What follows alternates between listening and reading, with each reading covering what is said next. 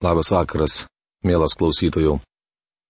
Šiandien toliau keliausime Biblijos puslapiais Senuoju testamentu, pranašo Izaijo knyga. Šiandien apžvelgsime antrąjį skyrių, kurio tema - pranašystė apie paskutinės dienas - karalystė ir didysis suspaudimas. Paprašykime Dievo pagalbos suprasti jo šventą knygą.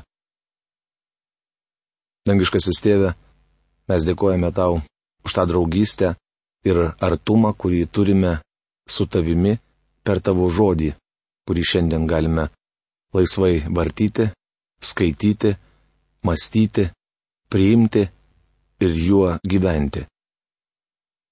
Dėkojame tau, brangus Dieve, kad tu išsaugojai jį. Ir dėkojame tau, kad tavo šventosios dvasios pagalba galime suprasti tai, kas jame užrašyta mums - pamokyti, barti, pataisyti, ugdyti ir auklėti. Dėkojame tau šį vakarą ir prašome, kad palaimintum mus savo žodžio palaiminimu ir padėtų mums būti tau palaiminimu. Jėzaus vardu. Amen. Izaijo knygoje nuo antro iki penkto skyriaus užrašyta vientisa pranašystė. Šiuose skyriuose rašoma, kas paskutinėmis dienomis laukia Izraelio. Tai yra visos tautos, kurią sudaro dvylika giminių. Skaitant šiuos skyrius, tampa aišku, jog Dievas kalba apie visas Izraelio giminės kurios bus suvienytos. Dievas visuomet mato Izraelį kaip vieną tautą. Paskutinės Izraelio dienos skiriasi nuo paskutinių bažnyčios dienų. Pranašystėje, kurią dabar skaitysime, Dievas nekalba apie bažnyčią. Tai, kas šiuose skyriuose parašyta, negali būti taikoma bažnyčiai. Tuo galime nebejoti, nes apaštalas Paulius laiške romiečiams rašo, jog bažnyčia buvo slėpinys, neatskleistas Senojo testamento laikais. Paklausykite. Tam, kuris gali jūs padaryti stiprius, kaip sako mano Evangelija ir Jėzaus Kristaus kelbimas, sekant apreiškimu paslapties, nutilėtos per amžinuosius laikus. Romiečiams laiškas 16 skyrius 25 eilutė. Jei Izaijas apie bažnyčią būtų žinojęs, apaštalas Paulius jos nevadintų naujų apreiškimų. Nuo Pauliaus dienų iki dabar bažnyčia yra tarpininkė tarp Dievo ir žmonių. Per ją Dievas skelbia žinia pasauliui. Tačiau vieną dieną bažnyčia bus paimta iš šio pasaulio. Izaijo pranašystėje kalbama apie laikus, kai jos jau žemėje nebebus ir Dievas ims veikti kitaip. Tas laikotarpis vadinamas didžiuoju suspaudimu. Jam pasibaigus, Dievas žemėje įsteigs savo karalystę. Žvilgsnis į Judo ir Jeruzalės ateitį. Žodis, kurį Amoco sūnus Izaijas matė regėjime apie Judą ir Jeruzalę. Izaijo knygos antros kiriaus pirmą eilutę. Kalbėdamas apie Izraelį, Judą ir Jeruzalę, Izaijas turėjo omenyje konkrečią tautą ir konkrečias vietas. Judas reiškia Judą, Izraelis reiškia Izraelį, o Jeruzalė - Jeruzalę. Kai pranašas prabyla metaforomis, aiškiai duoda suprasti, jog jo žodžiai turi perkeltinę reikšmę. Studijuojant pranašystės, nereikėtų stengtis priartinti jų prie įprastų teologinių sampratų susijusių su bažnyčios programa. Ateityje atsitiks taip, kad viešpaties namų kalnas stovės tvirtai iškilęs virš kalnų ir bus aukštesnis už kalbas. Visos tautos plūs jo link. Izaijo knygos antros kiriaus antra eilutė. Ateityje atsitiks taip, kad viešpaties namų kalnas stovės tvirtai iškilęs virš kalnų. Kostas burbulys žodį ateityje verčia žodžių junginių paskutinėmis dienomis. Leiskite dar kartą pabrėžti, jog čia nekalbama apie paskutinėsias bažnyčiaus dienas. Paskutinėmis bažnyčiaus dienomis vyraus dvasinis atsimetimas. Apie tai apaštalas Paulius rašo pirmame ir antrame laiške Timotiejui. Dvasia aiškiai sako, kad paskučiausiais laikais kai kurie žmonės atkris nuo tikėjimo. Pirmas laiškas Timotiejui ketvirtas skyrius pirmą eilutę. Kaip matote, paskučiausi bažnyčios laikai ir paskutinės Izraelio dienos nėra tas pats. Svarbu suprasti, kad tai skirtingi laikotarpiai, nors iš dalies jie sutampa. Paskutinės dienos, apie kurias kalbama šioje Izaijo knygos eilutėje, reiškia didžiojo suspaudimo laikotarpį. Evangelijos pagal Luką 21 skyriaus 7 eilutėje užrašytas viešpaties Jėzaus Kristaus įspėjimas apie Jeruzalės sunaikinimą. Kai mokiniai paklausė, kada tai įvyks, jis labai aiškiai davė suprasti, jog, kalbėdamas apie paskutinės dienas, turėjo omenyje didžiojo suspaudimo laikotarpį. Didysis suspaudimas baigsis tuo met, kai Kristus sugrįž į žemę įsteigti savosios karalystės. Pirmoje Izaijo knygos dalyje nuo antro iki penktos skyriaus kalbama apie didžiojo suspaudimo laikotarpį ir karalystę, kuri bus įsteigta šioje žemėje. Viešpaties namų kalnas stovės tvirtai, iškilęs virš kalnų. Čia kalbama apie Izraelio tautą po bažnyčios paėmimo iš pasaulio. Žodis kalnas šventajame rašte reiškia karalystę, valdžią ar viešpatystę. Apie tai aiškiai kalbama Danieliaus pranašystėje. Viešpaties namų kalnas stovės tvirtai iškilęs virš kalnų, tai yra virš visų žemės karalysčių. Šio pasaulio karalystės taps viešpaties Jėzaus Kristaus karalystė, o jis bus karalių karalius ir viešpačių viešpats. Šiandien Izraelyje padėtis labai tempta, dėl žemės nuosavybės vyksta kovos. Šis Dievo išsirinktas kraštas tūkstantmetėje karalystėje taps politiniu ir religiniu pasaulio centru. Kalbėdamas apie tuos laikus, pranašas Danielius sako, Tuomet geležis, molis, žalvaris, sidabras ir auksas - viskas iš karto subirėjo į šipulius ir tapo tarsi pelai vasarą klojimuose. Vėjas juos nuputė, nepalikdamas nei pėdsakų bet akmuo, trenkęs į statulą, virto dideliu kalnu ir pripildė visą žemę. Danieliaus knyga, antras skyrius, trečia penkta eilutės. Dievo karalystė iškils virš visų šio pasaulio karalysčių. Daug tautų ateis ir sakys, ateikite ir kopkime į viešpaties kalną, į Jokūbo Dievo namus kad jis parodytų mums savo kelius, kad eitume jo takais. Iš Sijono ateis mokymas ir viešpaties žodis iš Jeruzalės. Izaijo knygos antros skyriaus trečia eilutė. Jeruzalė bus valdžios ir religinis centras. Viešpats Jėzus Kristus sėdės Dovido soste. Vienas iš pagrindinių žemės gyventojų rūpeščių bus Dievo valios pažinimas ir jos vykdymas. Jie trokš pažinti jo kelius ir vaikščioti jo takais. Taip jis įspręs ginčius tarp tautų, nuspręs daugelio žmonių bylas. Jie perkal savo kalavijus į arklus, o jėtis į geneklius. Tauta nebekels kalavijo prieš kitą tautą. Nebebus mokomasi kariauti. Izaijo knygos antros kiriaus ketvirta eilutė.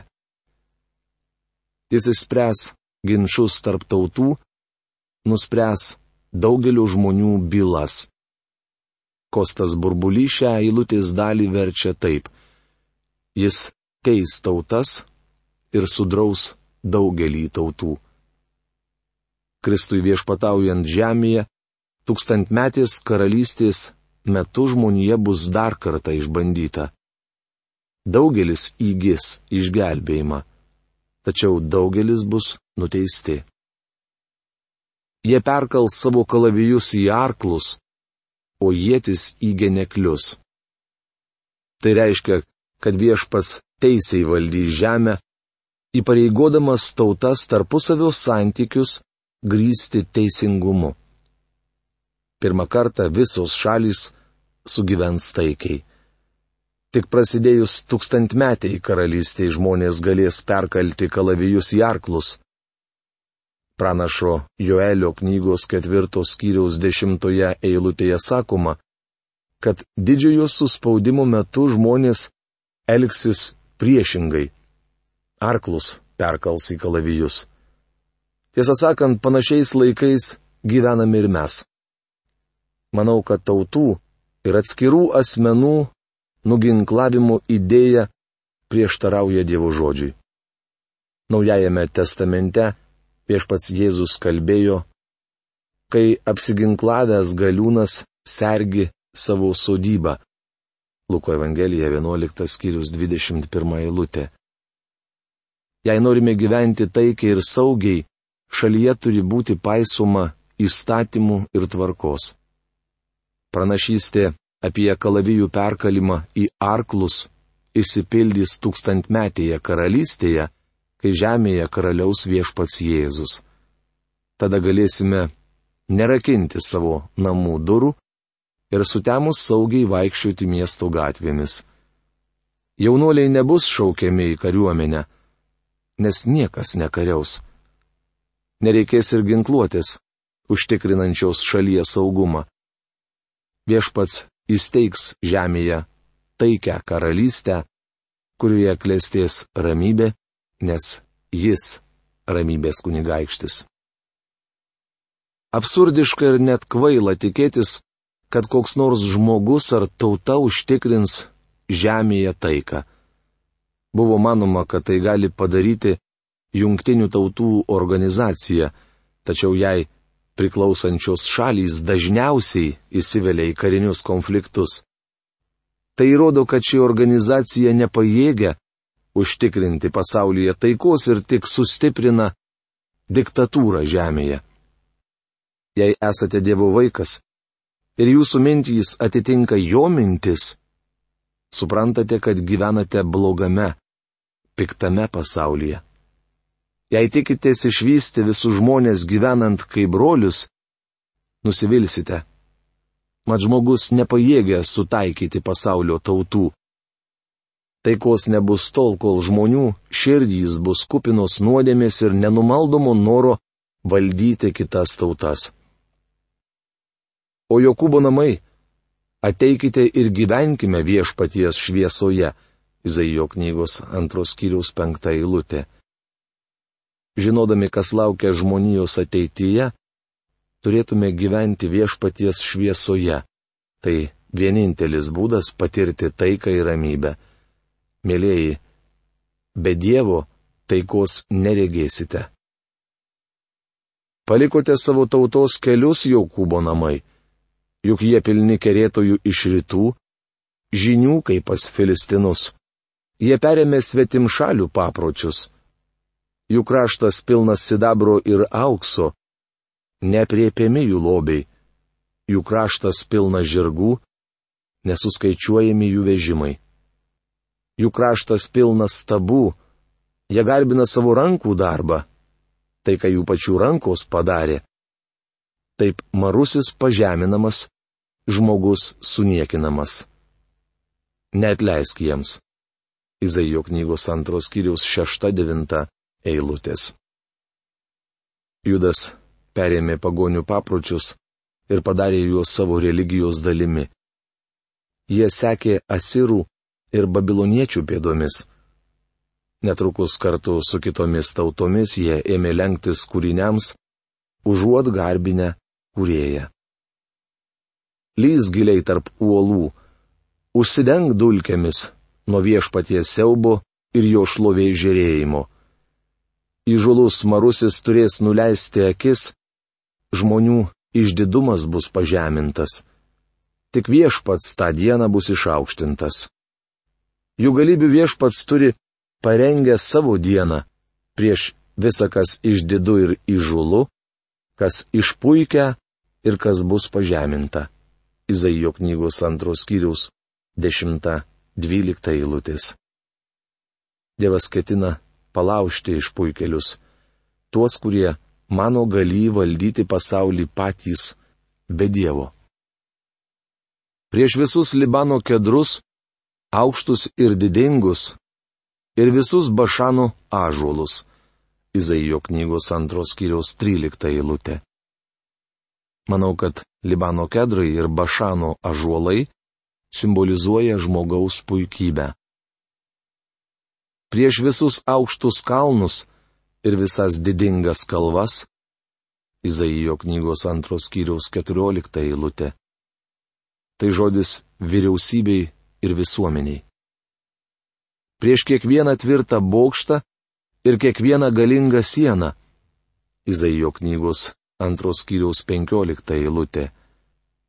Dievas sako, jog teis karinės struktūras. Prieš visus taršišo laivus ir visas eiklės valtis. Izaijo knygos antros kiriaus šešiolikta eilutė. Kostas burbulys šią eilutę verčia taip visi taršišo laivai ir visa, kas gražiai atrodo. Komercijos ir menos ryčių taip pat laukia teismas. Tada bus sutramdytas mariųjų pasiputimas, pažemintas žmonių išdidumas. Tik viešpats tą dieną bus išaukštintas. Izaijo knygos antros kiriaus 17 eilutė. Dievas nuslopins bet kokį žmonių išdidumą ar pasipūtimą. Stabai pranyks tarsi nebuvę. Izaijo knygos antros kiriaus 18 eilutė. Dievas sunaikins visas melagingas religijas.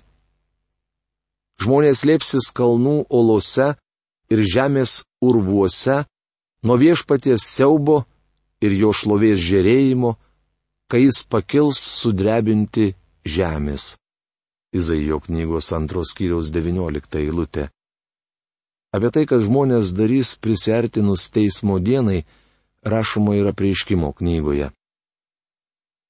Tuomet žemės karaliai, didikai, karo vadai, turtuoliai, galiūnai, visi vergai ir laisvieji pasislėpė urvuose ir tarp kalnų uolų. Jie šaukė kalnams ir uoloms, griūkite ant mūsų ir paslėpkite mus nuo sėdinčiojo sostę veido ir nuo avinėlių rūstybės. Rašoma prieškimo knygos šeštos skyriaus 15-16 eilutėse. Visa, ką šiandien matome per televiziją, susijęs su politinė ekonomika, vyriausybės nutarimais, komercija, menu, žmogaus pasiputimu, puikybė bei religija. Artėja diena, kuomet visas žmogaus išdidumas bus pažemintas, o viešpats Jėzus Kristus išaukštintas. Šiandien Kristui nėra vietos vyriausybėje, visuomenėje, versle, mene bei pompastiškose pasaulio ceremonijose. Jis išstumtas net iš religijos. Jėzus Kristus šiandien nustumtas į šalį. Jam sugrįžų žmonės bėgs slėptis kalnų olose ir žemės urvuose. Nežinau, ar kada nors žmonės gyveno urvuose, tačiau ateityje jie bėgs į olas. Ta diena žmonės kurmiams ir šikšnosparniams numes sidabro ir aukso stabus, kurių prisidarė garbinti. Jie lys į uolų urvus ir skardžių plyšius, nuo viešpaties siaubo ir jo šlovė žėrėjimo, kai jis pakils sudrebinti žemės. Izaijo knygos antros skyrius 20-21 eilutės. Kai jis pakils sudrebinti žemės. Profesorius Algirdas Jurienas verčia, kai jis kelsis žemės nugazdinti. Čia kalbama apie didžiojo suspaudimo laikotarpį. O liaukitės kliauti žmogumi, juk jis turi tik gyvybės alsavimą, kuogi jis nusipelnė pagarbos. Izaijo knygos antros skyriaus 22 eilutė. Nepasikliaukite žmogumi, kas kart iškvėpdami mes nežinome, ar dar įkvėpsime. Žmogus be galo trapus. Vieną kartą neįkvėpęs, jis atsisveikina su gyvybe.